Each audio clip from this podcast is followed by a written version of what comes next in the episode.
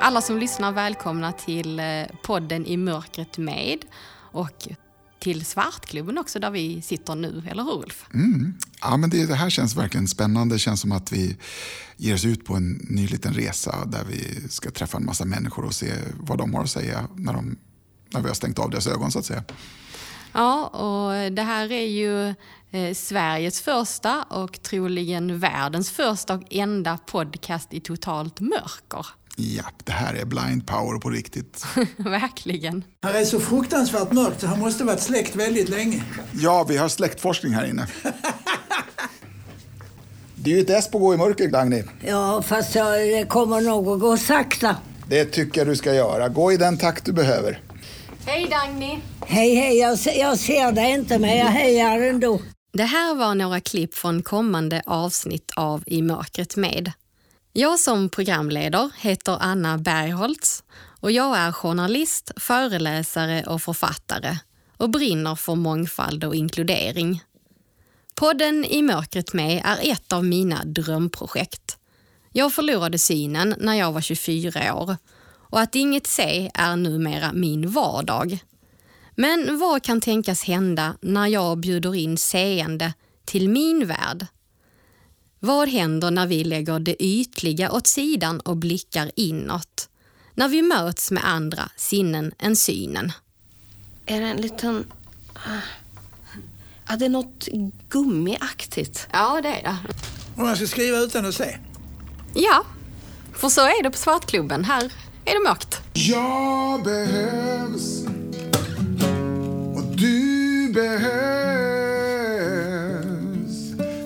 Har någonting att ge. Ska vi se om du kan känna vad det här är? Det är som jag hittar dig. Om du tar händerna eh, där. Oj. Vänta, det här är en isbergssallad. är det det? Det lät inte som öl.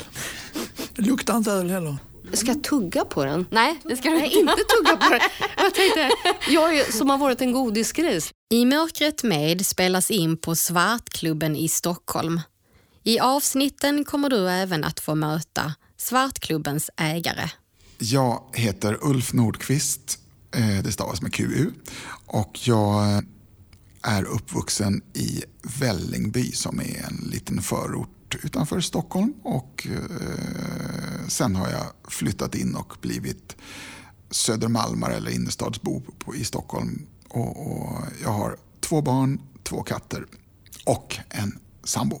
Ja, men jag eh, är någon som eh, såg när jag var liten tappade synen sakta från sena tonåren och en bit in på 20-talet. Jag eh, ägnade en lång tid av, av, den perioden av mitt liv åt att försöka att inte vara någon som såg dåligt för jag tänkte att det, det, jag, jag borde vara någon som ser. Men, men ur det så steg jag senare upp och kom på att wow, det är ju coolt att vara blind. Alltså att det finns en massa fördelar med att vara blind.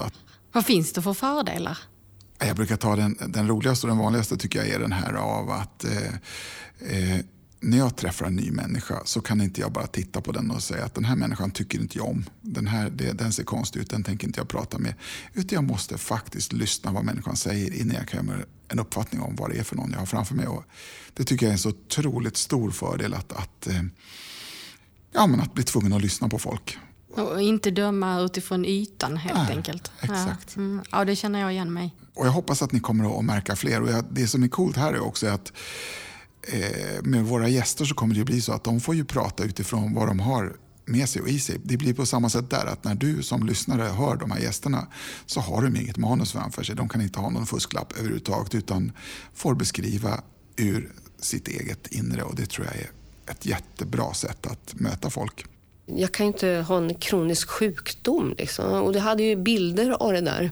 Då tänkte jag, jaha, det var rullstol och döden. Det är ju en slags skräckblandad förtjusning. Jag vill ju ha den där spänningen, den där nerven. Liksom. Och jag ville jättegärna att liksom kvinnor i slöja särskilt skulle kunna få ett arbete och att man inte Att kvinnoslöja inte ska hamna utanför samhället utan faktiskt få vara en del utav samhället. Jag tänkte med samma att nu dör jag efter några dagar så att jag satte mig bara ner och resignerade. Men när jag inte dog så var jag tvungen att börja leva. Det är en fruktansvärd känsla det här att behöva önska den man älskar ur huset för att få lov att vara sig själv. Mm. Jag var så nervös. Jag vågade inte ens titta in i kameran. Jag bara stod och darrade. Jag tyckte det var jätteläskigt. Ja, allmänt påhejad av mina föräldrar och så har jag ägnat mig åt musik hela mitt liv egentligen. Har skrivit låtar, jag har drivit en inspelningsstudio, jag har varit ute och turnerat och eh, någon gång för ungefär eh, 14 år sedan så eh, kom det till en punkt där jag fick prova att spela i ett mörklagt rum. Eh, och det här var en sån stor händelse för mig för det var någonting i mig som kom hem i det här att jag fick stå och spela och sjunga inför en publik som visserligen inte var blind i vardagen men där jag fick, kunde berätta ur, ur, ur mitt känsloliv för människor och de var för stunden försatta i blindhet. Eh, så att det här har ju blivit som något som jag håller på med hela tiden då sen eh, 2012 så har jag då köpt mitt eget ställe, Svartklubben, där jag då har sittningar med mat och musik i mörker. Lite kort om podden då. Den kommer ju släppas eh, varannan vecka, kan vi berätta, på tisdagar. Våra eh, intervjuobjekt är ju jättespännande. De kommer från helt olika... Det är väldigt en, en lista med väldigt spridda eh, erfarenheter som, som de kommer in med och från olika delar av eh, Sverige och livet och världen. Och den här sammantagna röda tråden finns ju ändå i att, att allt det här vill ju vara med och, och bredda och, och ge mång, skapa mångfald. Och, och också få den här resan in i eh, mörkret eller bortom syn.